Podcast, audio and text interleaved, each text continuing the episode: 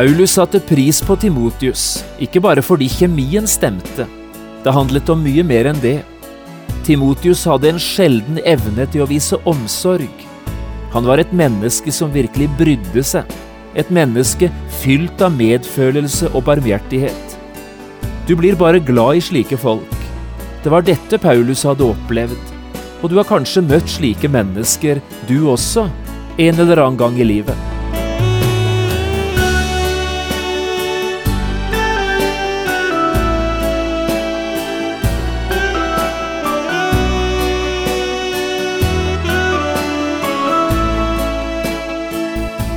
Hjertelig velkommen til et nytt program i serien Vindu mot livet. Programmet er produsert av Kristen Riksradio og blir ledet av Jon Hardang. Kristen Riksradio drives av frivillige gaver. Vi er glade for din støtte.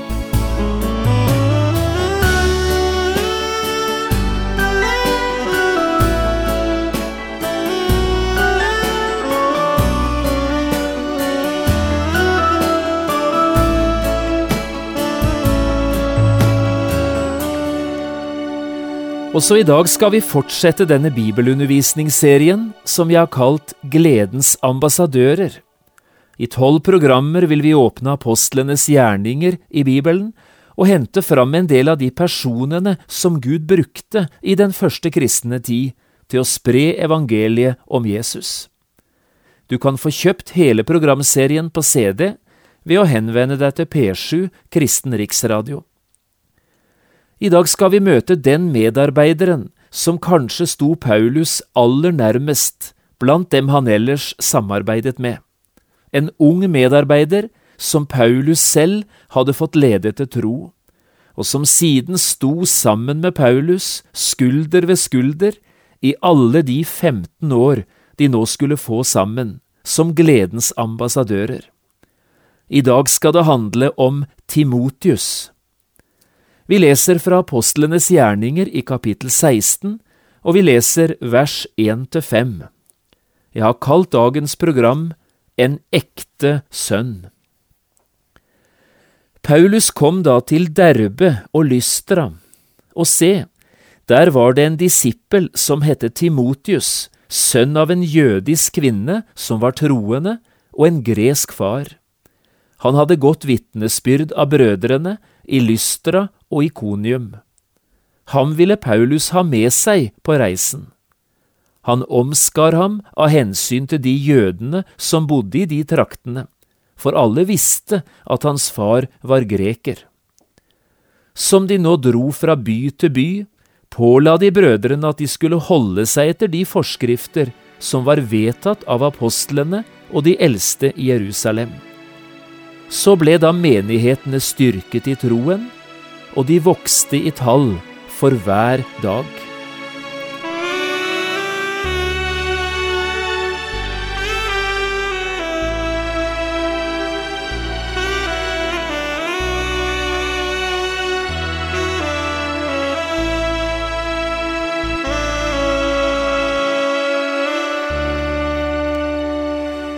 Jeg vet ikke om du har hørt den vesle historien om predikanten og småbruket. Dette er en herlig liten stubb som jeg har lyst til å fortelle deg akkurat i dag. Det var en gang en predikant som en dag fikk anledning til å kjøpe et gammelt, fraflyttet småbruk, og han gikk i gang med å sette dette småbruket skikkelig i stand igjen. Småbruket besto av et gammelt hovedhus, et uthus som sto der nærmest til nedfalls, og så en del gamle, rustne redskaper og så en masse skrot i tillegg til dette. Det gikk en gjengrodd vei opp til eiendommen, og det fantes ikke skikkelige gjerder lenger. Men predikanten, han gikk i gang med å oppruste småbruket, med iver og entusiasme. Han brukte alle sine fridager og hver eneste friuke og ferieuke oppe på eiendommen. Veien ble satt i stand, og gjerdet omkring eiendommen rustet opp. Han fikk ryddet på hele eiendommen og kastet alt unødvendig skrot. Busker og trær ble ryddet bort, og småbruket begynte snart å se ut som det hadde gjort i gamle dager. Og selve huset, Det ble restaurert både utvendig og innvendig, med nytt tak og ny bordkledning og nyoppussede rom. Også uthuset fikk en skikkelig ansiktsløftning, og hele området ble etter hvert forvandlet fra et forfallent gammelt småbruk til en flott fritidseiendom. Mens han en dag holdt på å sette opp det nye gjerdet, og var i ferd med å skulle avslutte sitt store arbeid, så kommer en av naboene bort til han, en mann fra den nærmeste, nokså store nabogården. Naboen hadde sett på denne predikanten som i lengre tid hadde vært i gang på småbruket, og han var nok litt spent på hvem han var, denne karen, predikanten som nå var blitt småbruker. Og spent var han selvsagt på om han ville like denne sin nye nabo. Han kvidde seg nok litt, men en dag tok han seg sammen, og så gikk han bort på småbruket for å snakke med naboen. De første ordene falt omtrent slik. Ja ja, predikant, du og Vår Herre har virkelig gjort litt av en jobb på denne eiendommen. Predikanten smilte tilbake, tørket seg litt over pannen, og så kom det. Jo, det er blitt ganske bra nå, svarte han, men du skulle jammen ha sett hvordan det så ut da Vår Herre drev bruket alene. Jeg synes dette er en herlig liten stubb, og jeg håper du tar poenget. Gud har bruk for oss mennesker. Er det noe Gud vil ha gjort, ja, så er han avhengig av de mange små og ofte skrøpelige menneskelige redskapene. Det jeg nå sier, har ingenting med mistillit til Gud å gjøre, eller forakt for Guds suverenitet og storhet og makt. Det handler bare om denne enkle, men viktige sannheten. Gud har altså valgt å bruke oss mennesker her i verden. Hvordan ville det ha gått om Herren hadde hatt alt for seg selv?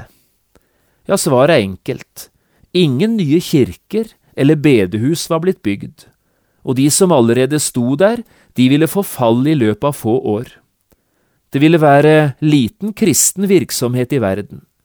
Ingen annonser i avisen og ingen møteledere, sanggrupper eller forkynnere i sving. Om Gud var alene om alt, ville ingen kirkekaffe eller matservering finne sted. Ingen lydtekniker eller vaktmester var i tjeneste. Om Herren fikk alt for seg selv, ja, da ble det forfall i stedet for fornyelse. Det ville bli taushet i stedet for tilbedelse. Småbruket ville forfalle, gjerdene vil igjen falle ned og eiendommen gro til, for å være i bildet fra historien.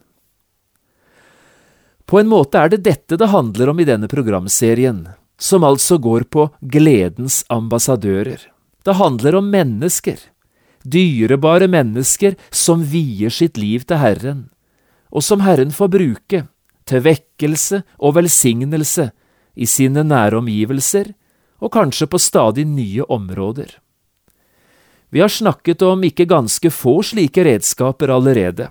Lukas og Barnabas, Philip og Ananias, Jakob og Johannes med tilnavnet Markus. Og i dag har vi lest om enda en slik flott gledens ambassadør, faktisk en av de aller yngste, nemlig Timotius. Det var han vi leste om fra begynnelsen av dagens program. Og hvem var han egentlig, denne Timotius? Hva vet vi om han, ut fra apostlenes gjerninger eller Bibelen for øvrig? Ja, det kan vi faktisk si en del om, for Timotius er nokså utførlig beskrevet i Bibelen. Nå skal du bare høre. Timotius var født og vokst opp i byen Lystra i Lille-Asia, altså i dagens Tyrkia. Hans mor var jøde og hadde gjort alt som sto i hennes makt for å gi gutten Timotius den beste opplæring i jødenes tro og de hellige skrifter. Helt fra barndommen av kjenner du de hellige skrifter, skriver Paulus om Timotius i 2. Timotius 3,15. Og med på laget hadde moren Aunike også Timotius sin bestemor, som heter Louis. Når Paulus ved en annen anledning skriver om den oppriktige tro som man kan se bo i Timotius, ja, så sier han rett ut at denne troen først bodde i hans mor og i hans mormor. Faren derimot, han var greker og hadde ikke gått over til jødenes tro. Dette er nok grunnen til at Timotius ikke var blitt omskåret, slik det ellers var vanlig for alle jødiske gutter. Det hadde sikkert med motstand fra hans egen far å gjøre. På sin første misjonsreise besøkte Paulus byen Lystera to ganger. Første gangen endte det med at han ble steinet, og det var med nød og neppe at Paulus kom fra byen med livet i behold. Men litt senere, på samme misjonsreisen, kommer han tilbake til Lystera, og et stort antall mennesker blir i løpet av disse to besøkene vunnet for Herren. Og blant disse, sannsynligvis både Timotius, som da kan ha vært tenåring, og hans mor, Eunike, kanskje også bestemoren Louis. Paulus bruker i alle fall flere steder noen spesielle uttrykk som forteller at Timotius er et av Paulus' åndelige barn. I første Korinterbrev 4,17 kaller Paulus Timotius for mitt kjære og trofaste barn i Herren. I første Timotius 1,2 skriver Paulus til min ekte sønn i troen, og i andre Timotius 2,1 skriver han så bli da du, min sønn, sterk ved nåden i Kristus Jesus. Her vil jeg gjøre et lite stopp og komme med en oppmuntring til deg som kanskje er tenåringsforeldre. Du har gjort det beste du kan, ikke sant, for å lære barna dine om Jesus. Du har prøvd både i ord og gjerning å forkynne evangeliet for dem. Du sendte dem på søndagsskole, i barnelag, på leir og kanskje på kristne skoler. Og så skjedde det at tenåringen din likevel ikke kom til tro på Jesus, før det kom en helt annen voksen person inn i deres liv enn du som er mor eller far. Og så fikk du se at det som mor eller far ikke fikk til, det skjedde takket være en helt annen person. Av en eller annen grunn vant denne tredje personen tenåringens oppmerksomhet og tillit, og tenåringen åpnet sitt hjerte og lukket Jesus inn. Hva skal du og jeg som tenåringsforeldre da tenke? skal vi tenke at alt det vi selv har gjort, det var mislykket, siden det måtte noen andre til? Langt ifra. For nettopp det som ble sådd i barnehjertene, og som vokste fram i tenårene, det var kanskje den viktigste årsaken til at de nå kom igjennom til bevisst kristen tro. En sår og en annen høster, sier Bibelen. Jeg snakker ganske sikkert til noen kristne foreldre i dag. Ikke gi opp det du holder på med. Ikke slutt med det viktige grunnarbeidet. Lær barna dine om Jesus, vær et eksempel for dem. Og ikke glem, du er ikke alene i oppgaven, du står i en stor og viktig sammenheng. En av grunnene til at vi ofte gjør det vi gjør, er jo at vi vet det som blir sådd, begynner en dag å spire og gro, og så en dag, kanskje mye seinere, vil vi få høste. Tilbake til historien om Timotius. På den andre misjonsreisen kommer Paulus så tilbake til Lystra, og nå vil han gjerne ha Timotius med seg videre på reisen. Og det var dette vi leste om fra begynnelsen av dagens program. Og Timotius, han ble med, etter at Paulus først hadde omskåret han. Dermed ville det ikke bli problemer i forhold til de mange jøder de siden kom i kontakt med. Og så, både på andre og tredje misjonsreise, er Timotius med på laget. Seinere, både Jerusalem, Cesarea og Roma, da er Timotius en av Paulus' viktigste og mest betrodde medarbeidere. En del tider er han sammen med Paulus, andre ganger reiser han ut på egen hånd til bestemte steder der han har fått ansvaret for å ta hånd om store og viktige oppgaver. Det var da Timotius fikk besøke byer som Filippi, Tessaloniki, Berøa, Korint og ikke minst Efesos. Et annet forhold, som også sier noe om det nære tillitsforholdet det er mellom disse to, Paulus og Timotius, det har med Paulus' brev å gjøre. I ni av i alt 13 brev er Timotius omtalt, og i seks av Paulusbrevene er Timotius nevnt som medforfatter. Og som om ikke det var nok, to av Paulus' brev er også skrevet som personlige brev nettopp til Timotius. Alt dette taler jo sitt tydelige språk om nærhet, om tillit og medarbeiderskap. Og så, når Paulus ser døden i øynene og vet at hans tjeneste med evangeliet er slutt, ja, så er det ikke tvil om hvem han ønsker skal ta opp arven og gå neste etappe med evangeliet. Det må være Timotius. Og så, i Filipperbrevet 2, fra vers 19 til 24, finner vi et ganske spesielt avsnitt, der Paulus gir en personlig beskrivelse av denne Timotius, hvem han var, og hvilke kvaliteter denne ungdommen var innehaver av. I dette avsnittet løfter Paulus fram tre flotte egenskaper som denne Timotius var preget av. Og nå hadde jeg lyst til å nevne disse tre tingene, én for én. Først sier Paulus det slik i vers 20, Jeg har ingen likesinnet. Timotius hadde altså det samme sinn som Paulus hadde. Han er en av Paulus' likesinnede. Det er egentlig et uvanlig ord som brukes her på grunnteksten, isopsykios.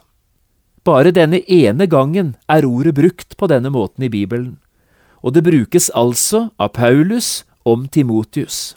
Og det betyr, han er enestående, denne Timotius. Dersom Paulus sier, jeg har ingen andre som han, med det samme sinn og den samme sjel, med samme livsholdning og livsinnstilling.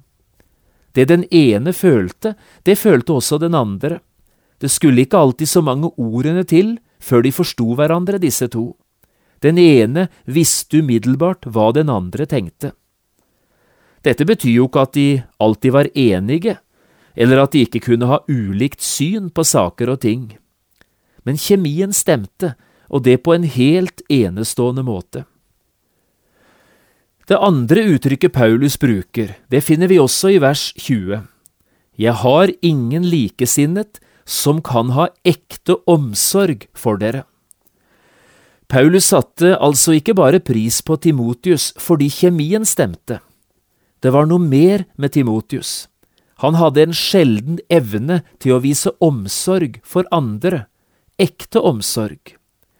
Disse ordene av Paulus åpner et vindu inn i Timotius' indre verden.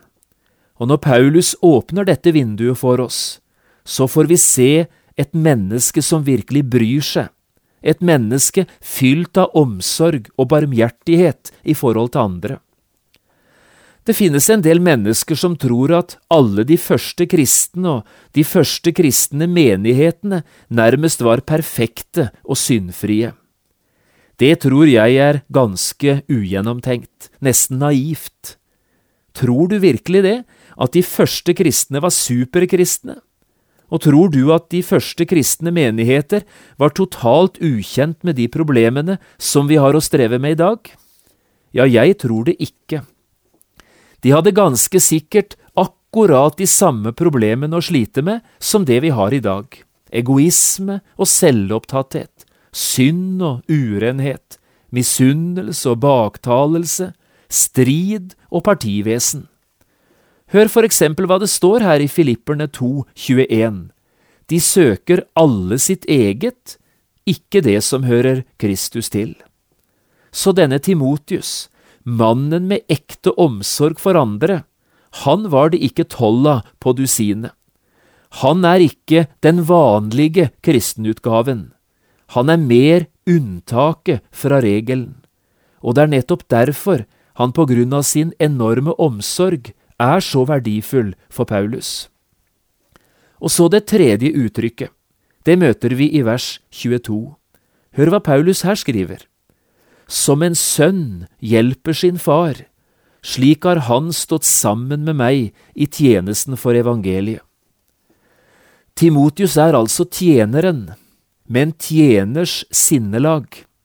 Timotius utstråler et tjenersinn i alt det han steller med og har fore. Hvor hadde Timotius lært dette hen? Ja, hvor lærer en sønn å bli som sin far? Jo, det lærer han hjemme. Skal tjenersinnet og tjenerens innstilling få rom i det kristne fellesskapet, ja, så er det noen som må gå foran og vise hva dette betyr i praksis. Timotius hadde hatt en slik åndelig far. Det var Paulus. Og nettopp ved å se hvordan Paulus praktiserte tjenerens innstilling i hele sitt liv, ja, så hadde også Timotius lært hva det virkelig betyr å tjene. Hans prøvede troskap kjenner dere, sier Paulus i vers 22. Han eh, var å stole på, Timotius, en medarbeider som ikke sviktet en venn du kunne regne med, både i gode og vonde dager. Timotius fikk altså tjene Gud sammen med Paulus de siste 15 årene av Paulus' liv. Allerede mens Paulus levde, ble Timotius innsatt som menighetsleder i Efesus, og her led han mange år senere martyrdøden. Etter fortsatt å ha reist mye, stått i vekkelse, sittet i fengsel og hele livet tjent Herren i troskap. Da den store apostelkirken på et senere tidspunkt ble reist i Istanbul, ja, så ble levningene av Timotius flyttet hit, og det er her Timotius i dag ligger begravet. Det er ikke uvanlig at en arbeider, når han slutter på en arbeidsplass, får med seg en sluttattest, og denne sluttattesten er det arbeidsgiveren som skal skrive. Også når det gjelder Timotius, finnes det en slik sluttattest. Når det nærmer seg avslutningen av samarbeidet mellom disse to, så skriver Paulus selv sluttattest til Timotius. Den lyder slik, og er gjengitt i 2. Timotius 3, vers 10 og 11. Hør på dette. Du har etterfulgt meg i lære, i livsførsel, i forsett, i tro, i tålmodighet, i kjærlighet, i utholdenhet, i forfølgelser og i lidelser. Slik lyder de siste ordene. For en strålende sluttattest til en strålende gledens ambassadør.